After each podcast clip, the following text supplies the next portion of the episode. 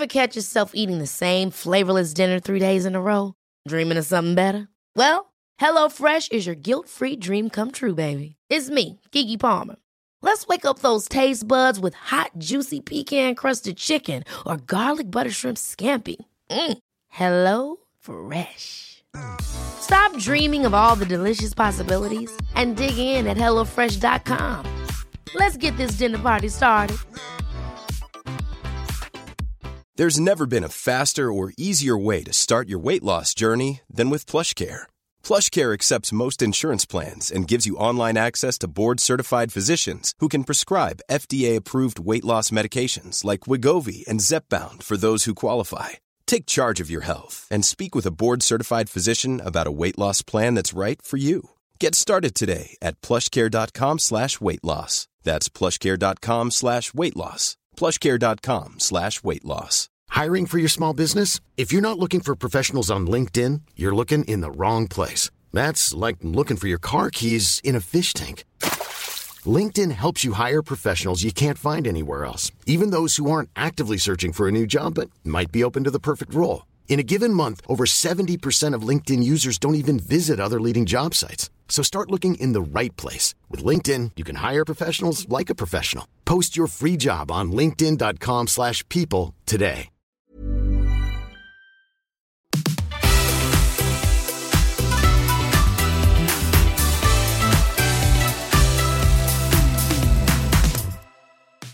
Hei og velkommen til podkasten Hvem er jeg? Der vi har spurt dere om å beskrive gjestene våre med et ord. Og så tar vi med gjestene inn i studio og hører hva de syns om alle disse ulike meningene. Eh, Men Michael, hvis eh, noen skulle beskrevet meg i dag, hvilke ord tror du de hadde brukt?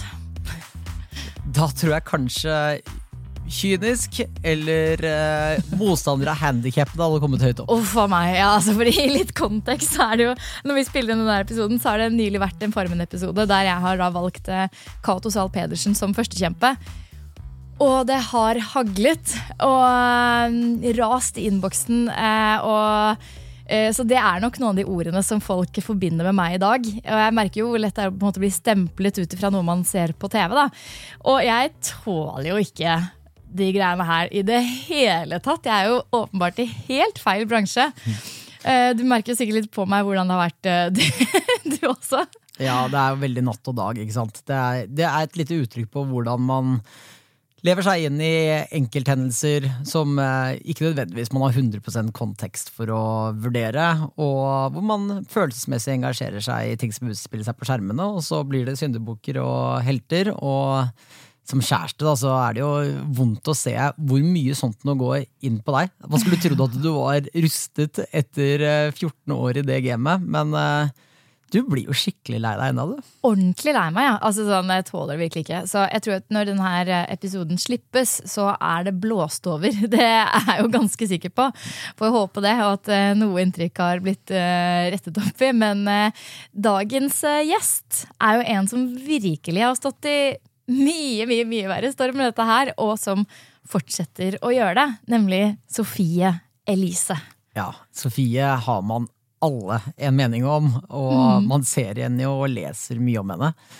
Um, og det jeg tror eh, er litt interessant, da, det er eh, Det er nok ekstra vondt hvis eh, man opplever at et allment uttrykk eller får formening om deg missvarer med slik du ser deg selv. Litt som jeg tror du kanskje kjente på etter denne episoden. Og det som er litt interessant med Sophie Elise, er jo at det veldig mye er jo selvpåført. Og nesten sånn Nesten et hig etter drama, virker det som.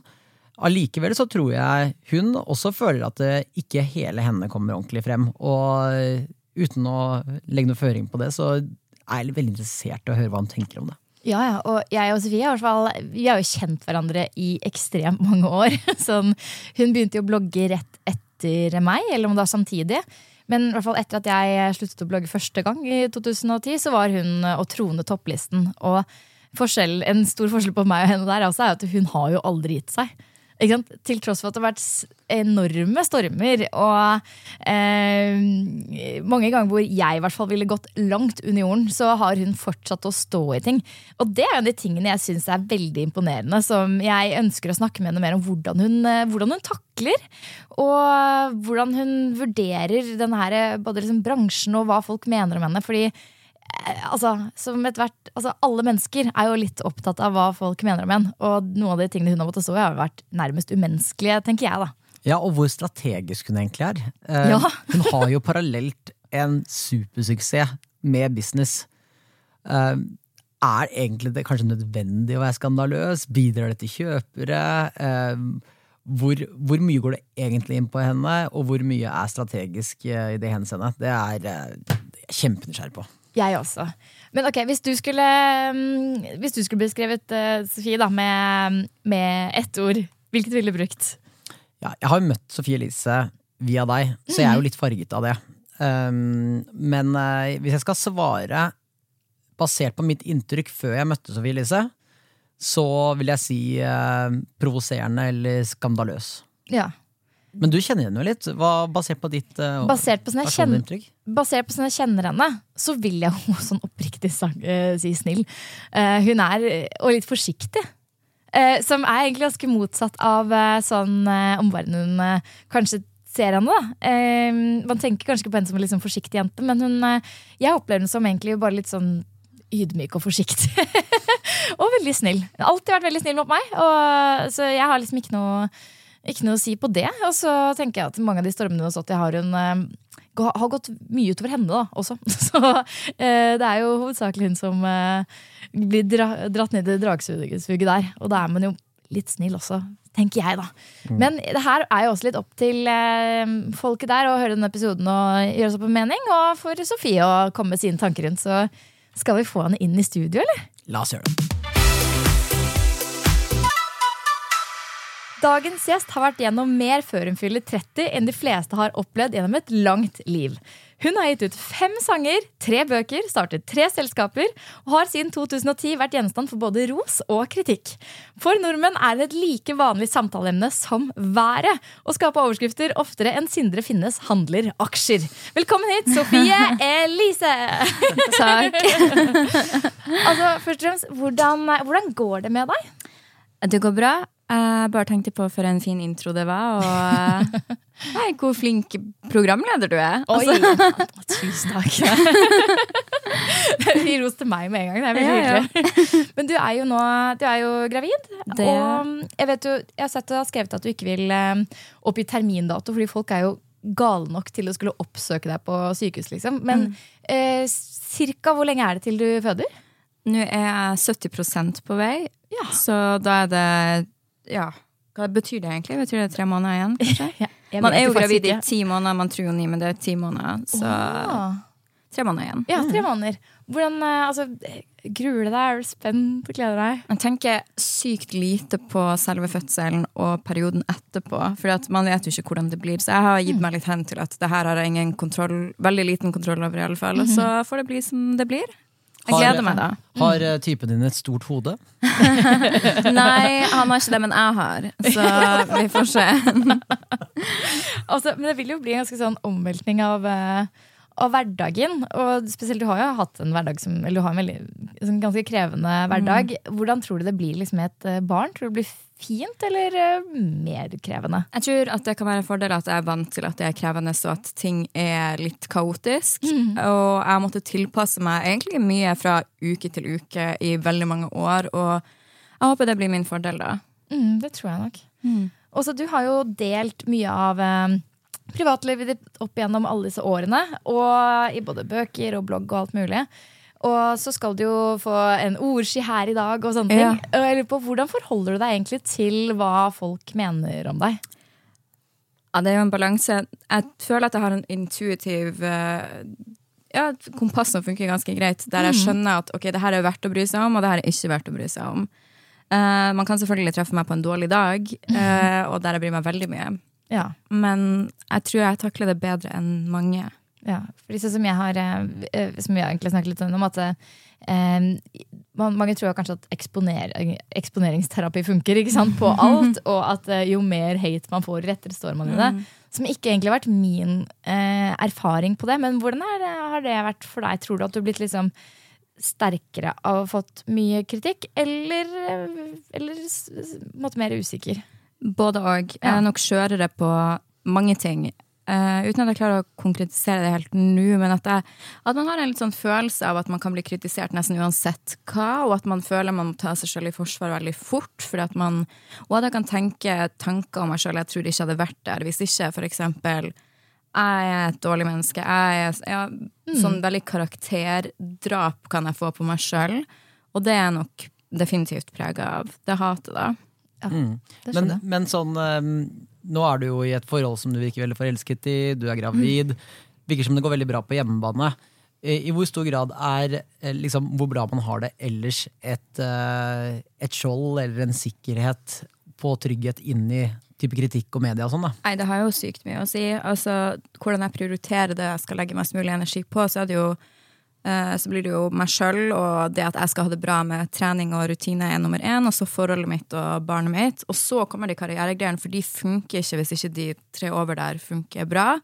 Og hvis det liksom er dårlig, så er det jo klart at her er til og med alt mulig. Det blir jo et skjold, absolutt. Ja, det skjønner jeg. Men hvis du da skulle eh, beskrevet deg selv med, med tre ord, eksempel, hvilke ville du brukt om deg selv? Um, er jo Det er ikke så lett å få på er Og så er det litt sånn, det virker skrytete også. Jeg tror jeg er, er snill. Jeg er gavmild. Og jeg er litt rar. Er sånn, ja. Hvordan rar er du? Jeg er ikke sånn sosialt dritgod på den måten at jeg er ikke den som kommer inn og tar et rom. Jeg er litt sånn, jeg er litt weird. Ja. Og jeg hater når folk sier det òg, for at det blir veldig sånn pick me, men jeg er det på en sånn usexy måte, da. Kan man si. Ja, jeg syns jo det egentlig er fint uh, altså, Jeg syns det er positivt å være litt rar. Jeg tror det med det du mener at du på en måte er litt annerledes sånn sett. Og det er kanskje ikke det folk nødvendigvis vet om deg, fordi du kan jo virke veldig sånn selvsikker i måten overskrifter blir eh, frontet om deg. da Som om du liksom veldig aktivt har gått ut og tatt et rom. ja Jeg tror nok jeg kan virke som jeg kommer inn i et rom og melder masse, eller eh, ja, tar mye plass, og det er ikke tilfellet i det hele tatt. Jeg skulle kanskje ønske jeg gjorde det mer. Jeg har vært i mange settinger der folk har oppfattet meg som enten sur eller kanskje care, for at man ser meg i nettopp det lyset, men så egentlig er jeg litt usikker eller sjenert, eller bare jeg vet ikke helt hvordan, man skal, hvordan jeg skal plassere meg da.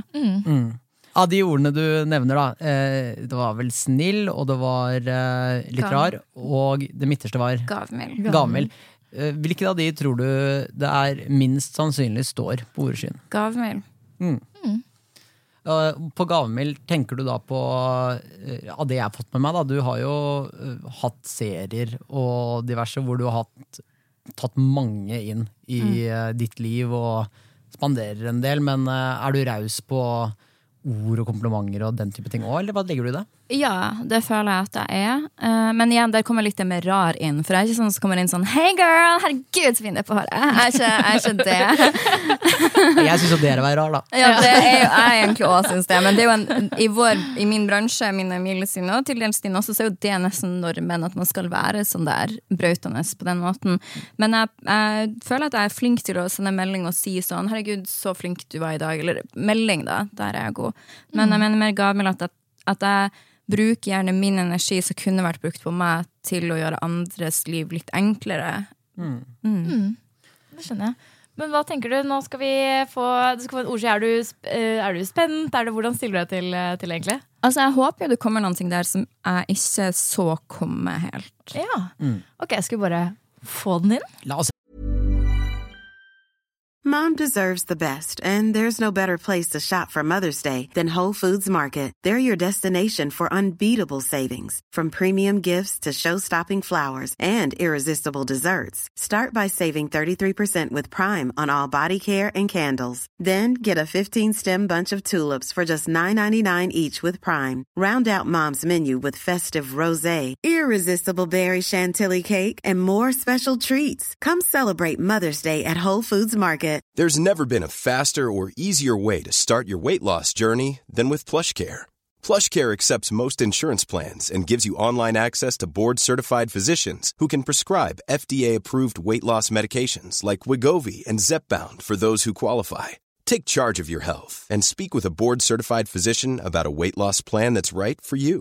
Get started today at plushcare.com slash weight loss. That's plushcare.com slash weight loss. plushcare.com slash weight loss. Hey, it's Ryan Reynolds, and I'm here with Keith, co star of my upcoming film, If, only in theaters, May 17th. Do you want to tell people the big news? All right, I'll do it. Sign up now and you'll get unlimited for $15 a month and six months of Paramount Plus Essential Plan on us. Mintmobile.com slash switch. Upfront payment of $45 equivalent to $15 per month. Unlimited over 40 gigabytes per month. Face lower speeds. Videos at 480p. Active Mint customers by 531.24 get six months of Paramount Plus Essential Plan. Auto renews after six months. Offer ends May 31st, 2024. Separate Paramount Plus registration required. Terms and conditions apply if rated PG.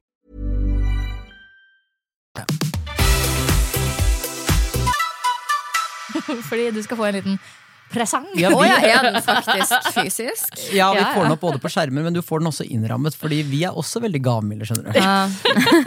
Så her har jeg brukt egne penger og kjøpt på Søstrene Grene en ramme, og så er det rammet inn, så du kan ha det i den stålkule leiligheten som du har i Trondheim. Ikke sant? Her er den, du kan få ta det litt inn først. Uh, så der, ja. Så Ja. Det er noen, noe ord For å hjelpe eh, lytterne litt grann på vei her, så er det altså de to største ordene er overfladisk usikker. Eh, men du har også ord som smart, eh, digg, ærlig, sterk. Og, men også oppmerksomhetssyk, plastikk.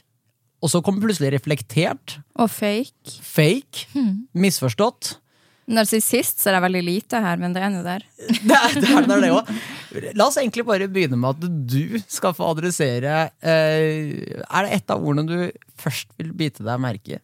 Altså Det første jeg så, var jo usikker, for at den er veldig stor. Eh, og så er det litt sånn, hva legger du i det? Det er jo det jeg lurer på. Det er jo mange forskjellige som har eh, svart her, da. Og veldig mange som er enig i usikker. Men det kan jo bety at enten er du usikker på eget utseende, eller så er du usikker på hvem du er. Sånn at det er litt dypere. Altså, Det kan bety så mye. Men eh, altså, jeg er jo usikker, så den stemmer jo. Men la oss ta den litt, da. Eh, for jeg syns egentlig du pinpointer akkurat det som er det interessante spørsmålet når det gjelder usikkerhet. Fordi, La oss putte det litt i perspektiv. Eh, det står jo operert eller plastikk, eh, som er på en måte en måte å eh, forbedre eget utseende, som kan ha bakgrunn i en form for usikkerhet. Ja, jeg føler at det er det de mest sannsynlig mener. At man tenker at det her går på en usikkerhet. For jeg tror at det folk tenker når man ser noen som har operert, så betyr det at man er usikker på den man er. For meg så er den litt todelt, for jeg tror at det kan også bety at du tvert imot er veldig sikker på den du er. For du har tatt et valg om at det her er meg, føler meg ikke som meg, jeg opererer, og nå er jeg meg. Så jeg føler at det er egentlig der jeg er minst usikker. Jeg står veldig i de valgene. Men der jeg er usikker, så går vi jo inn på det jeg nevnte i stad, som er sånn mer kjern... Hvem er jeg som menneske? Er jeg et dårlig menneske, for eksempel? For man ser jo andre ord her som selvopptatt eller kynisk, utspekulert, øh, egoistisk. Og jeg, jeg hadde vært alle disse tingene om jeg ikke spurte meg sjøl er jeg faktisk de tingene. Eh, og det er der min usikkerhet kommer inn. Å, veldig interessant. Eh, jeg har lyst til å ta begge de sidene litt, men la oss begynne med den første. da. Eh, du husker, Når var din første operasjon, egentlig? Når jeg var 18. Ja. Husker du eh, den gang da hva det var som var driveren for å ta et sånt valg? Om det var vanskelig, eller om det egentlig var forbundet til usikkerhet, eller hva det var? Nei, altså Det var jo en usikkerhet som var forbundet i at jeg ville ha større pupper enn det jeg hadde. Og var 100 sikker på at jeg ville ha større pupper. Så det var et enkelt valg. Sånn. Du var sikker på det, i hvert fall? Jeg var sikker på det. Uh, og så hadde jeg nok litt en Jeg tror at eh, fordi det ble gjort til en så stor greie at jeg skulle ta silikon, som både i mine sosiale medier Jeg gjorde det ikke til det, men når jeg åpna om at jeg hadde gjort det, så ble det en stor ting. Og også en diskusjon hjemme. Så ga jeg det sykt mye mer verdi, tror jeg, enn det det egentlig hadde trengt å ha. Fordi jeg mener ikke at man skal være sånn, ja, ja, silikon, whatever, men samtidig, det er jo bare større pupper. Når det ble så stort, jeg måtte forsvare det så dypt, så fikk det meg til å tenke det må ha en veldig mye dypere grunn, da. Og da burde jo alle problemene mine bare fikses for jeg tar silikon, typ. Um, så jeg tror nok i mange av de her, når det kommer til det med operering og utseende og fake og sånn, at det har blitt lagt mye meninger nesten på meg som jeg har tatt til meg Selv om det kanskje ikke er det jeg egentlig har ment. Ja, Og så føler du det faktisk selv etter hvert fordi det blir sannheten. Jeg tror nok at du blir gjentatt så mye at fikser du på utsiden, du fikser ikke på innsiden, og du må ha noe dypere greier, og bla, bla, bla, så har det på en måte blitt nesten en sånn ting jeg repeterer sjøl også. Selv om for meg så var det nok aldri noe dypere enn å bare få større pupper. Ja, men det kan jeg tenke meg at det er sånn, Med alle meningene man har fått opp igjennom, så uh, hvert fall noen kan sikkert være litt mer sånne mennesker at de bare preller av. Men jeg har i hvert fall alltid sett på det som at det her er en slags tilbakemelding på hvordan jeg fremstår. Er jeg sånn? Er jeg sånn ikke? Eh, og eh, i hvert fall i de ungdomsårene der vi ble kjent, så er, det jo, er man jo veldig mye mer ømfintlig på å ta, ta, ta til seg sånn kritikk. Da.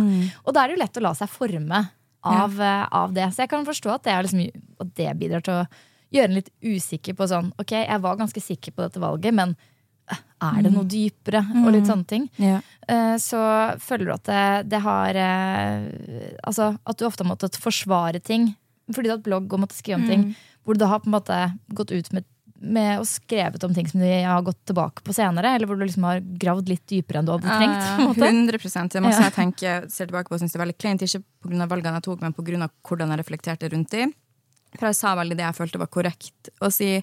Ja, nettopp pga. det du sier, da man får tilbakemeldinger og tenker at sånn her burde jeg være. Og så tror jeg også at jeg er blitt nesten enten frarøvet meg sjøl eller blitt frarøvet muligheten for å drive med ekte selvutvikling fordi at alle mine problemer ble pinpointa på det er fordi du har operert, det er fordi du er usikker på utseendet ditt, det er fordi du er sånn. Så istedenfor at jeg kunne ha to på en måte parallelle løp, der jeg både fikk utforske hvordan jeg ønsker å se ut og min estetikk, og samtidig ta tak i den jeg er, men at de trenger ikke ha så mye med hverandre å gjøre, på en måte, så ble det bare en stor sånn uh, kaotisk greie da, der jeg tenkte at med mindre jeg angrer på at jeg har operert, og angre på hvordan jeg ser ut, og endre måten jeg ser ut på, så kan jeg aldri være lykkelig. da. Og det tok meg ganske mange år å skjønne at jeg må få lov å se ut på den måten, og samtidig kan jeg ha andre ting som jeg er usikker på eller vil jobbe med, som ikke har noe med de å gjøre, da. Eh, før vi går over på den andre delen av det sikre og usikre, så eh, folk som ta tatoveringer. De ender ofte opp med å ta flere tatoveringer, og så til slutt så er det mange som har hele kroppen dekket. Er det med operasjoner litt på samme måte at det er avhengighetsskapet på en eller annen måte? Eller eh, har man åpnet en dør, og så Jeg tror det er veldig mange som tar silikon og kun tar det. Ja. Og så tror jeg også det er veldig mange som tar kun én tatovering. Men jeg tror at de som ender opp Jeg tror at de som ender opp med å ha tatovering overalt Jeg tror nok at hvis du hadde spurt dem før tatovering sånn, hva er det du syns er pent, så hadde de gjerne vist bilde av en veldig tatovert person. Og samme som hadde du spurt meg som 14-åring hva syns du er fint, så hadde jeg vist bilde av en veldig operert person. Så jeg tror det er liksom estetikken man har også. Men hvordan, Det lurer jeg litt på, fordi ikke sant, det er jo eh, du har fått mye kritikk for å på en måte ikke sant, eh, få eh, bidra til at unge jenter får forbilder som er opererte, altså ikke naturlig. Hvordan forholder du deg til, til den type kritikken? For du sier jo selv at du som ung hadde forbilder allerede som var, eh, som var opererte. Ja. Nå når jeg ser tilbake på hvorfor var det så opp til dem, da, så tror jeg, eller jeg vet nå at det var det at de hadde så tydelig konstruert sin egen virkelighet. Da, at du er født ikke rik, ikke egentlig pen, i en liten delstat i USA gjerne, og så bare lager du utseendet ditt og rosa, og det var en sånn drømmeverden som jeg kunne relatere enklere til enn at du bare var født veldig pen, og så fikk du masse muligheter basert på det. Så der eh, traff det for meg. og jeg jeg kan jo føle på, men jeg tror også Jeg tror bedre om folk enn jeg tror at de som ser opp til meg, tenker Men hun, det, er, det jo for at hun er operert. altså Jeg tror liksom at det ikke er det. Men samtidig så skjønner jeg jo det der er en så komplisert diskusjon. Sånn, er det bra å være åpen om de tingene eller ikke? Gir det folk mer usikkerhet eller ikke? Der er jeg litt sånn bob-bob, på en måte. Men du snakker om at du blir litt frarøvet eh, muligheten til selvutvikling. Um, men um, nå har det gått litt tid. da Hvordan er, hvordan er det nå? Hvordan, eh, har du landet mer i eller, Hvordan er usikkerhetsnivået nå? Jeg, jeg er sikker på den jeg er, og, som, som regel, og sikker på hvordan jeg ser ut, men jeg er usikker på uh, Samtidig hvem jeg er, da. Jeg kan tenke sånn Kanskje jeg er ja, siden selvopptatt er et av de ordene som står eh, tydelig der, så kan jeg tenke sånn Er jeg så selvopptatt at jeg ikke ser at jeg er selvopptatt, eller alle de andre tingene der, for eksempel? Det kan jeg tenke mye på. Eh, det ja, delt største ordet er jo overfladisk. Mm. Um, det går også litt hånd i hånd med kanskje utseendefokusert. Men du er jo influenser har vært i mange år. Altså, og, og har sikkert opplevd at uh, utseendet har vært en faktor som får mye oppmerksomhet. I hvor stor grad føler du at uh, eh, bransjen og miljøet og jobben som følger, har gjort deg mer slash mindre overfladisk? Og hvordan kjenner du deg igjen i hvordan du var da du var liten, eller familieverdier og den type ting? da? Jeg tror det har både gjort meg mer og mindre overfladisk, fordi at man er nødt til å stille seg sjøl harde spørsmål, og du blir konfrontert med mye som krever refleksjon. Eh, bør gjøre, i alle fall. Eh, og samtidig så er det jo en Altså, jeg hadde et sånt moment med pappa da, der jeg eller jeg har jo hatt et ganske krevende år, eh, med mye sånn stormer og ting som har skjedd, og det har jo påvirka meg økonomisk i form av at jeg hadde en lang pause uten kommersielle samarbeid, som ikke var en frivillig pause, det ble jo sånn. Eh, og også annen jobb som gikk til helvete, og der jeg måtte leve på sparepengene mine. Og så sa jeg til pappa sånn men det her skulle egentlig være året der jeg liksom brukte masse penger på meg sjøl, og det her var året der jeg skulle kjøpe meg Chanel igjen, og alle har Chanel, og pappa var sånn Alle har ikke Chanel, det er bransjen du er i. Og da fikk jeg en reality check. Så, Pappa, alle har sånn. Jeg syns jeg hører 14-åringer si det samme. ja, og ja, da følte jeg meg så ja, dum, og for da får man en litt sånn Ok, jeg er i en bransje som er utrolig dreven av overfladiske ting som ikke er naturlig på noen som helst slags måte. Og man sammenligner seg med det, for det er på en måte konkurrentene dine i bransjen. Da. Folk har i ganske ung alder helt ville leiligheter og bil, og jeg har jo det sjøl, og samtidig så higer man etter. Men den personen flyr dit og dit og gjør sånn og sånn, og det er overfladisk. Men jeg lurer på sånn eh, Jeg tror også man blir veldig påvirket av å være i denne bransjen. Også at man med blogg eh, og Instagram til en viss grad også blir så selvransakende hele tiden. Men også at man får så sinnssykt mye kommentarer på det ytre fort. Da. Eh, hvor mye av din verdi legger du i utseendet, føler du? Eh, en del Jeg har slitt med ganske mye sånn imposter syndrom på akkurat det, for jeg har jo alltid følt meg ganske stygg og fikk mye høre at jeg var det. Og samtidig så, når jeg begynte med bloggen, så fikk jeg høre litt at jeg var penere enn det jeg var vant til å få høre i virkeligheten. Men da tenkte jeg at men det må være for at jeg er god på å posere. For ofte når folk møtte meg i virkeligheten eller som på TV, så fikk jeg høre det stygg igjen. Uh, og nå som jeg har blitt eldre og kanskje har en litt annen estetikk og har og ja, operert deg og får litt andre tilbakemeldinger, igjen, så blir det sånn Men det er ikke ekte. Altså, det blir veldig sånn rart. Jeg skjønner hva du mener. Mm. Um, vi ser jo, Du nevnte det jo selv. Eh, fake står ganske høyt her. Men så ser jeg også ærlig. Ja. Eh, for meg er det um, i hvert fall på noen parametere en ganske motstridende greie. Ja. Eh, kanskje det er et toegget sverd, det også. Det ene Ja. er utseendemessig, det andre er hvem man er som person. Hva, hva er dine egne tanker rundt det der, egentlig? Ja, fake. Jeg håper jo at den er utseende, da. Eh, men så jeg syns jeg så Kanskje det var veldig lite, da, men sånn, ja, det er jo utspekulert, da, og så er det jo kynisk og kalkulert. Og det kan jo òg være fake, på en måte. Eh, og det er jo nesten bare en sånn sannhet som får leve der ute, at folk ser på meg som kynisk. Eller fake, eller eh, fordi jeg tror at det noen ganger blir vanskelig å bare se meg som et menneske. da, Så om jeg blir lei meg, eller jeg har en reaksjon, eller jeg går igjennom noe, så det er enklere å si ja, men hun er bare fake. Hun gjør det for hun skjønner at det får en reaksjon. Eller hun skjønner at, fordi at det er mye bedre å fortelle det til seg sjøl enn å si shit, det har kanskje vært jævlig vanskelig for henne, det her. Um, så jeg tror mye av det kommer Håper jeg kommer fra, fra det, da. Mm, men, men du er jo også TV-personlighet. Eh, ny serie nå for et halvt år siden, eller cirka. Kjenner du deg eh, 100% igjen i den karakteren som er der? Eh, Mm, Ja Altså, jeg har jo Der kommer det inn det litt mer rar. At jeg, jeg har ikke et sånn TV-tryne som jeg skrur på. Som når jeg kommer på opptak med andre, og det spiller ingen rolle om det har vært sånn Girls of Oslo eller om det var Farmen, eller whatever, så har noen sånn jeg merker at når kameraet er der, så blir det fem gir opp. Og jeg har ikke den, dessverre. Og da kan jeg se meg sjøl på TV-en og tenke faen, da, hvorfor tar du ikke og bare snakker mer eller skru på, eller Men eh, jeg har jo et indre liv, så jeg vet jo hvorfor det er sånn, så jeg kjenner meg igjen, men samtidig føler jeg at det ser kjipere ut der enn det jeg egentlig er. Men samtidig er det vel det jeg er, da, Fordi det jeg sier jo ikke så mye. Så, det, skal også nevnes, det er jo mange mange ord her som er mindre, som blir litt usynlige for oss nå. Men mm. jeg har jo sittet med ordskyen, og det er ganske mange som sier ekte òg, faktisk. Mm. Men det er jo over 5000 respondenter. Så det er klart tenk at det, men det står også sånn uh, Hva var det jeg så det som jeg syntes var litt lystløgner, ja. Eh, ja.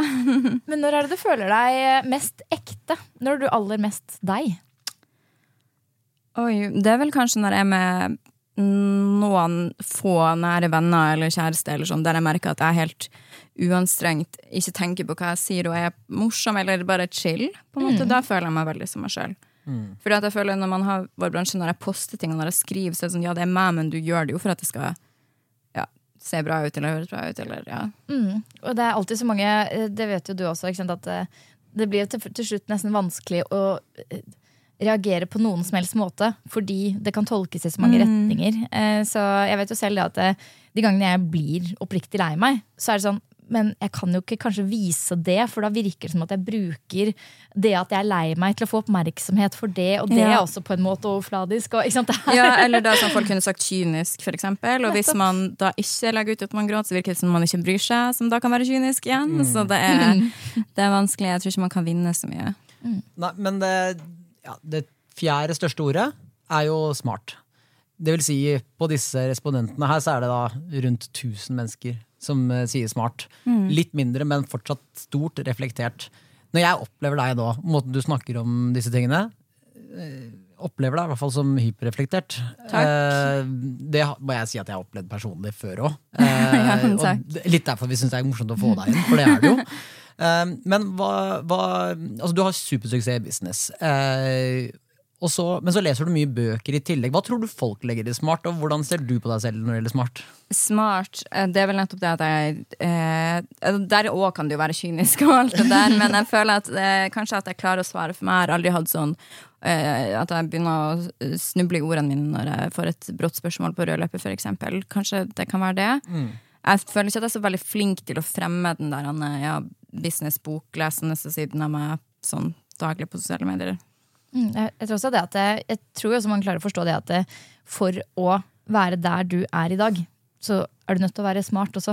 Liksom Ja. sånn du har ikke surfa deg frem Nei. til posisjonen du har nå. liksom Jeg tror nok man kan Jeg tror det har sånn sin utløpsdato. Sant? At man kan eh, ha en karriere bygd på jeg vet ikke, clickbait i kanskje tre år. Og så etter det så må man være smart. Ja. Mm.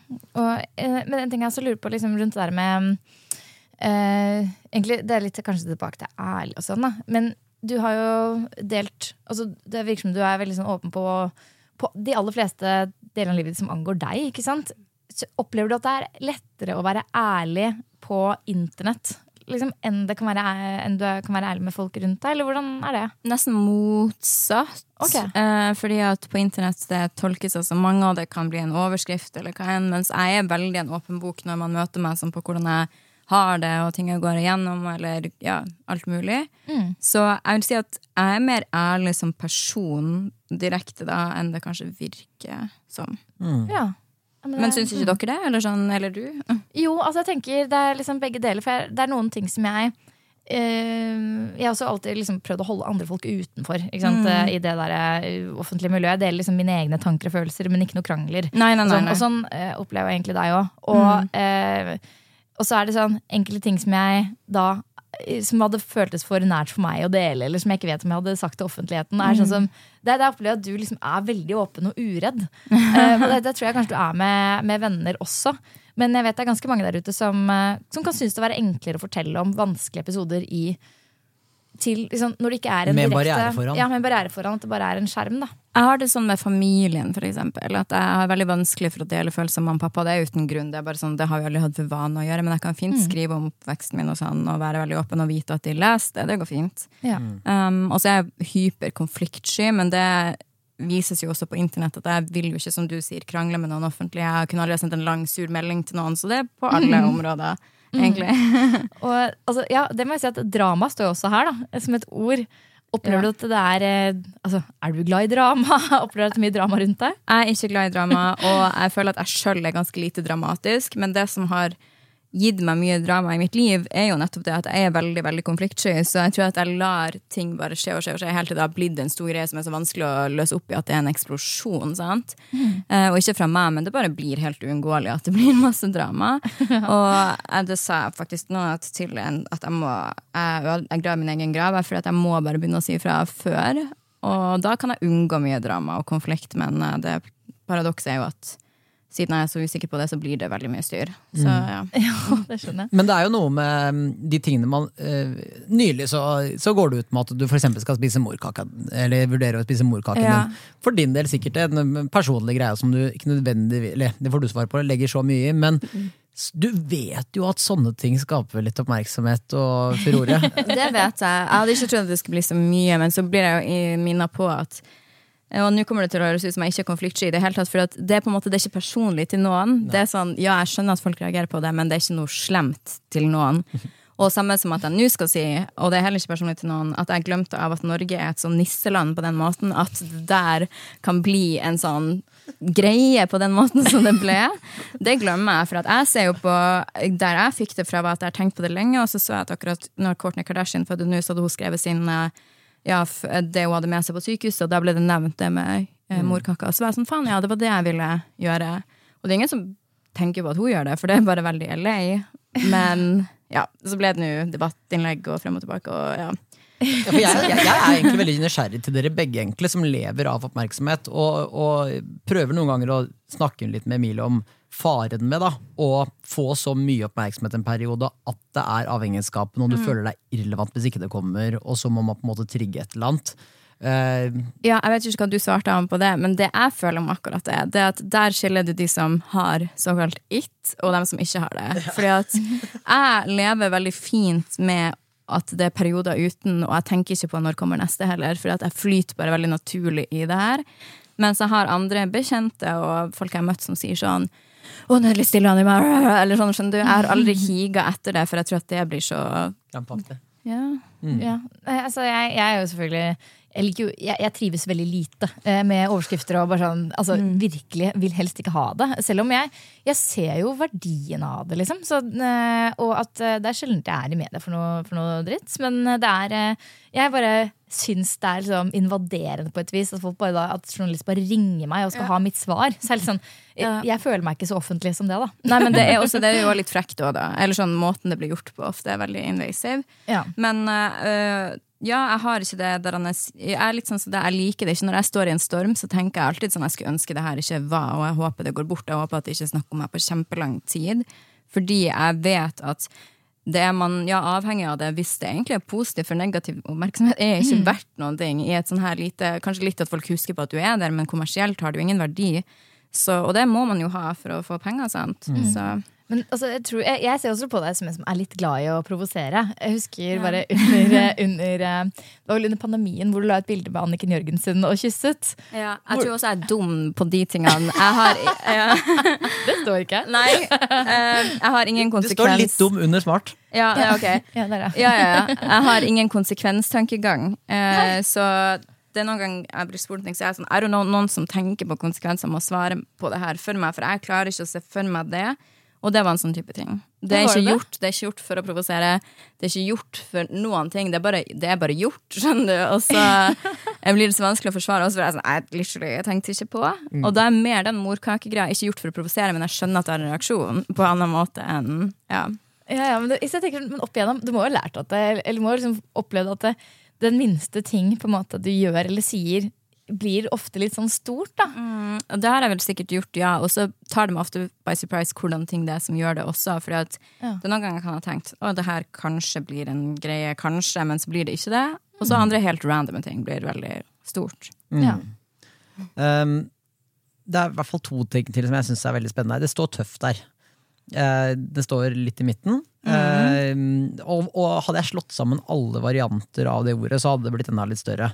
Eh, man må være litt hardbarket for å klare å stå i det og fortsette i bransjen. Emilie, du har jo gitt deg et par ganger. Eh, men, eh, og, og spesielt med den bildesaken i fjor og sånn. Altså, går man bare midt i fosterstilling noen ganger og bare blir helt svak? Eller står man i det i Jeg, for min del, så der og da med akkurat den bildesaken, så var ikke det et alternativ for meg i det hele tatt. For da måtte jeg bare håndtere det holdt på å si, behind the scenes med jobb. Og så gikk det vel noen måneder, og så kunne jeg bli veldig Jeg tror jeg måtte bli nå gravid og sånn før den der fosterstillinggreia kom over akkurat det med, med bildet, da. Mm. Fordi at det var så mange som brukte det for å eh, ja, snakke om hvordan jeg eventuelt blir som mor, da.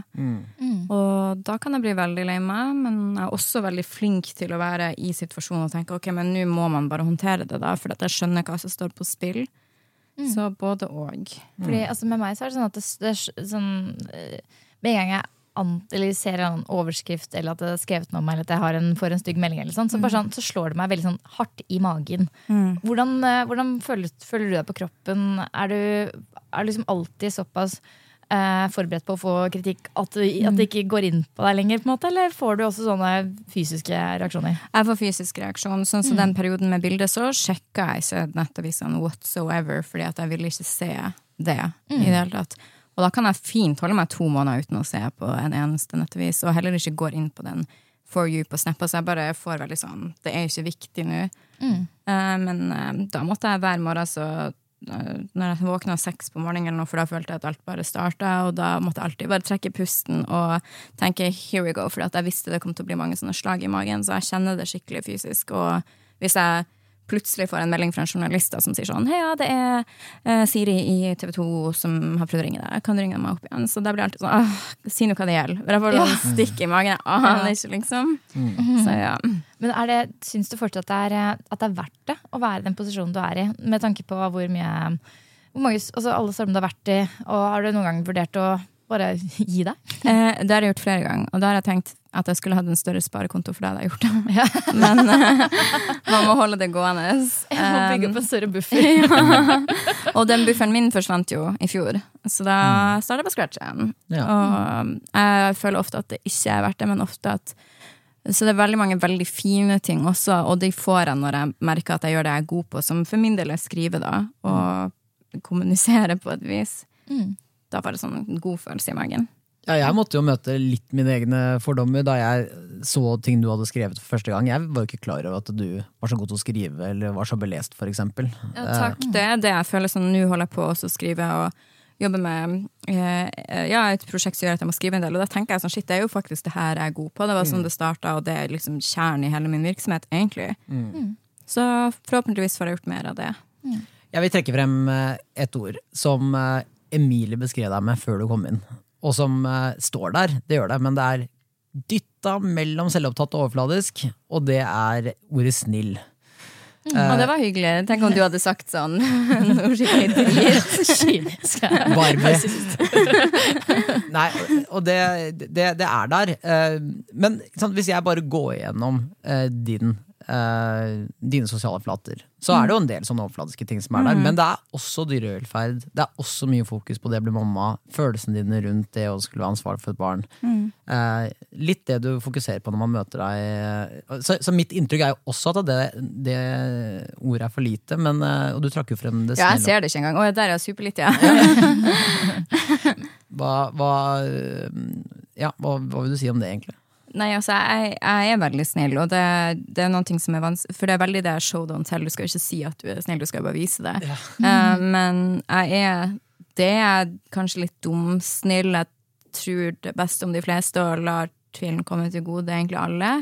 Og jeg merker at jeg er snill fordi at jeg jeg, jeg, jeg tror på at alle prøver sitt beste, og at de mener godt, egentlig. Eh, du har jo ja, stått i mange stormer og eh, måttet forsvare deg innmari mange ganger. Eh, og har du nå Er det liksom noen, noen valg eller ting du på en måte angrer på nå som, du ble, nå som du skal bli mor? Har det endret noe i deg? Ja, ja, for at man ser jo seg sjøl gjennom barnet sitt, eller for min del sønnen min, da, sine øyne, og det er masse. Eh, for eksempel det bildet-saken igjen. Tenker jeg på, altså Det har jeg jo aldri vært stolt av, aldri syntes det har vært kult, men det er ekstra kjipt nå. Jeg tenker på andre ting, som at jeg eksempel har vært utro, og det var en offentlig greie. Alle de tingene der som jeg Altså, jeg vet jo at mine foreldre er hele mennesker, jo eldre du blir, jo mer vet du det. Men at jeg, min sønn kanskje må få vite det når han er ganske ung, da, det syns jeg kan være vanskelig. Og jeg tror nok at det gjør Jeg er jo, et, jeg er jo hele meg, og jeg tror at jeg kommer til å fortsette å være offentlig, men nå har jeg noen andre å ha ansvar for enn bare meg, da. Men hvilke mm, livslærdommer vil du si du tar med deg inn, eh, i, inn i mammarollen? Mm. Ja, si det. det. Altså, det som er at jeg har jo mye erfaring på godt og vondt, men jeg håper forhåpentligvis bare godt også, fordi jeg er jo veldig ikke-dømmende og åpen og er nysgjerrig, og jeg føler at det kan være egenskaper som er gode som mor. Det er iallfall egenskaper jeg setter pris på i mine egne foreldre. da. Hvis jeg, lurer på, nå er det en, eh, altså, Gutter kan også operere seg, selvfølgelig, men eh, hvis du hadde fått eh, datter, har du tenkt på det om altså, Ville du hvordan hadde du stilt deg hvis hun ville tatt operasjoner og sånn? Nei, altså, nå er det jo 18 års grense på å operere, så da skal jeg jo egentlig ikke ha så mye jeg hadde å si. på en måte. Så da hadde jeg tenkt at ja, ja. Eller jeg hadde kanskje ikke tenkt det, men jeg hadde jo mm, håpet og trodd at hun skulle gjort det på en ordentlig plass. Jeg hadde ikke blitt begeistra hvis det var sånn ned til Tyrkia i det hele tatt. Da hadde jeg sagt ordentlig ifra, men jeg kunne jo aldri ha sagt sånn, du får ikke lov. Det hadde vært jeg vil ikke kjøre den der jeg gjør som jeg sier, ikke som jeg gjør-linja. Det funker jo ikke, sant. Og et annet ord som er større, er jo misforstått. Eh, ganske stort, egentlig. Er um, uh, Føler du at du ofte blir eh, misforstått? Ja, det er det. Det, det føler jeg absolutt, ja. Fordi altså, Det er vel ikke så tydelig for meg å se bare i hverdagen, men jeg merker jo det ofte når jeg møter folk, at de sier Oi, du er helt annerledes enn det jeg hadde trodd. Og det betyr jo at man blir mye misforstått da, i rom man ikke er i. Eh, og jeg, så jeg tenker liksom, Når du ser de ordene som er her, hva er det noe du føler uh, mangler? Uh, eller som er altfor stort, eller som er misforstått blant det som står her? Mm, altså ja, Jeg vil jo si at det, det er misforstått at jeg er veldig oppmerksomhetssyk. Det føler jeg ikke at jeg er. Sånn, jeg er helt ok med å ikke ha så mye oppmerksomhet i Der oppmerksomhetssyken min treffer, er vel kanskje om jeg har posta noen ting som jeg fikk veldig mye mindre likes på enn jeg trodde. Altså, da kan jeg føle på en sånn oppmerksomhetssyk greie, og jeg er jo oppmerksomhetssyk overfor kjæresten min, for eksempel. Men sånn, eh, sånn i et rom, så er jeg jo ikke det. Eh, Så den syns jeg er litt feil eh, for meg. Og så er jeg ikke så kalkulert Både og, da, på en måte. Ja, det Altså man må jo tenke, det er jo det som er vanskelig når man er eh, sin egen Altså når man driver business, men også har seg selv inn i businessen. Så blir det på en måte mer kynisk enn om man bare driver en ekstern bedrift Ja. og tenker hva er best for den bedriften. Hva slags valg skal jeg ta Ja. for bedriften? Det er jo litt annerledes. eh, Vi må jo tenke litt på samme måte, samtidig Ja. som vi er oss selv oppi det. Og så er det litt at hvis man går igjennom noen ting, så for eksempel når du, som når du delte at du ikke var, sammen med eksen din lenger, så tenker man, og for meg har jeg delt ting som er store og private, og sånn, så tenker man jo over hvordan deler jeg det her på en best mulig måte, men det er jo ikke kynisk, det er jo for å ta hensyn til så masse ting, og det har jo jeg tenkt masse i løpet av mitt liv. Um, men så har jeg kommet til et sted i livet mitt der jeg setter meg sjøl foran en mer lenger frem enn det jeg gjorde før da. Så sånn sett mer kynisk igjen. Jeg vil ta et ord som jeg syns er for lite. Ja. Eh, I tillegg til eh, snill og omsorgsfull, som jeg syns åpenbart virker som det er. Og reflektert er ganske stort, men kompleks. Ja, Altså- det skulle jeg si sjøl, at det er jo det jeg er. Altså Definitivt kompleks, og det fremkommer kanskje litt av ordskyen med så mange ord at man er litt kompleks, men det som ord i seg selv tror jeg kanskje jeg hadde endret til nå, fordi du er på en måte både det det, fordoms, eh, det mange har fordommer mot, til en viss grad. Men så er du, har du så mange andre sider, og det er alltid interessant å møte deg. Takk. Takk. Jeg tror at den kompleks eh, kompleksiteten kommer av utseendet, og kun det, egentlig. For hadde jeg sittet her og sett veldig sånn Er det en rebelsk ut da, på et vis, så hadde man kanskje ikke tenkt på det. Uh, Ja, det kanskje er litt sånn Det er jo som, som du vet at det, med en gang man uh, opererer puppene eller har veldig fokus på utseendet, um, så, så antar folk flest at du bare er opptatt av det. Den ene tingen. At det er utseendet, og så ikke opptatt av andre ting. Ja, jeg tror også derfor at de jentene som eh, ble kjent basert på at de opererte, og sånn, de hadde ikke så mye annet å spille på. Det var TV, og det var kun det som var i fokus. Og det var bare det man fikk sett da. Um, så det er jo en fordom som kanskje henger litt igjen. Hvordan eh, blir det å kombinere eh, altså Du er i starten av karrieren din, på en måte, egentlig, Ja, fortsatt. det, det blir jeg sliten av å tenke på. ja. Eh, og så skal du bli mamma. Og så er jobben din det det er. Hvordan blir den kombinasjonen? Kommer du til å fase over på, på andre ting? Blir det barneklær? Blir det helt andre ting, eller? eh, Litt, kanskje, men samtidig så er det at jeg har lyst til å vise at når jeg fikk den positive testen, jeg var sånn, nå skal jeg faktisk bli mamma, og var veldig glad over det, så var det samtidig en liten panikk fordi det man ser der ute, det er bare hvor jævlig det blir. Altså Folk viser Jeg er enig. Ja, ja, det er bare sånn Å, det er så stressa, sov ingenting, og huset er så rotete, og det, bla, bla, bla. Og det er jo det også, men det er jo livet generelt. Også på mange måter er jo jævlig dritt og stress. Men jeg, sa, jeg tenkte for meg selv nå trenger jeg å bli inspirert av noe som bare viser den glansbildegreia av det hele. Og det har vært viktig for meg, så jeg kan kanskje vise den. Jeg vet ikke.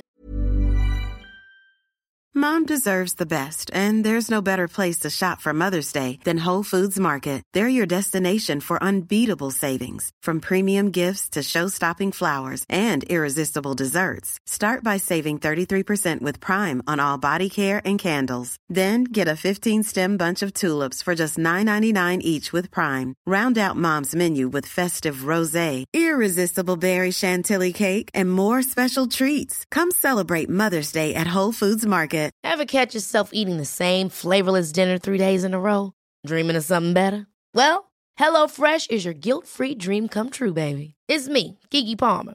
Let's wake up those taste buds with hot, juicy pecan-crusted chicken or garlic butter shrimp scampi. Mm. Hello Fresh. Stop dreaming of all the delicious possibilities and dig in at HelloFresh.com. Let's get this dinner party started. Planning for your next trip? Elevate your travel style with Quince. Quince has all the jet setting essentials you'll want for your next getaway, like European linen, premium luggage options, buttery soft Italian leather bags, and so much more. And is all priced at 50 to 80% less than similar brands. Plus, Quince only works with factories that use safe and ethical manufacturing practices. Pack your bags with high-quality essentials you'll be wearing for vacations to come with Quince. Go to quince.com slash pack for free shipping and 365-day returns.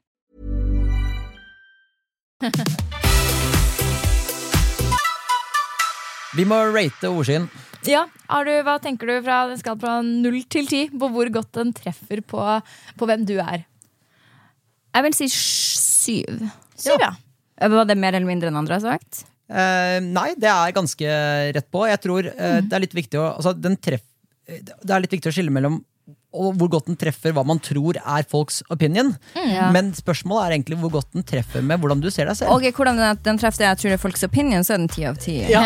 Men hvordan Altså hvordan jeg ser meg sjøl Det er jo noen ting som er veldig små her, sånn kjedelig. Da blir jeg veldig Det er det noen som har sagt. Flere som har sagt kjedelig, enn som har sagt influencer. um, ja, det er en ting jeg vet jeg ikke er akkurat kjedelig. Jeg føler at på meg sjøl, sånn som jeg ser meg Ja, den er, ganske, den er syv fortsatt. Ja. Veldig morsomt. Og vi har fått kommet inn på noen av de tingene som da skaper eh, de tre poengsskillene. Og veldig interessant, og takk for at du deler og går inn i hvert ord og reflekterer. Tusen takk for at jeg fikk gjøre det. Det var veldig gøy. Ja, altså, alt er gøy å prate med deg, og jeg gleder meg veldig til å følge med deg videre. Og masse lykke til tiden fremover. Altså. Takk. Jeg skal henge den her på barnerommet. Takk for at du kom.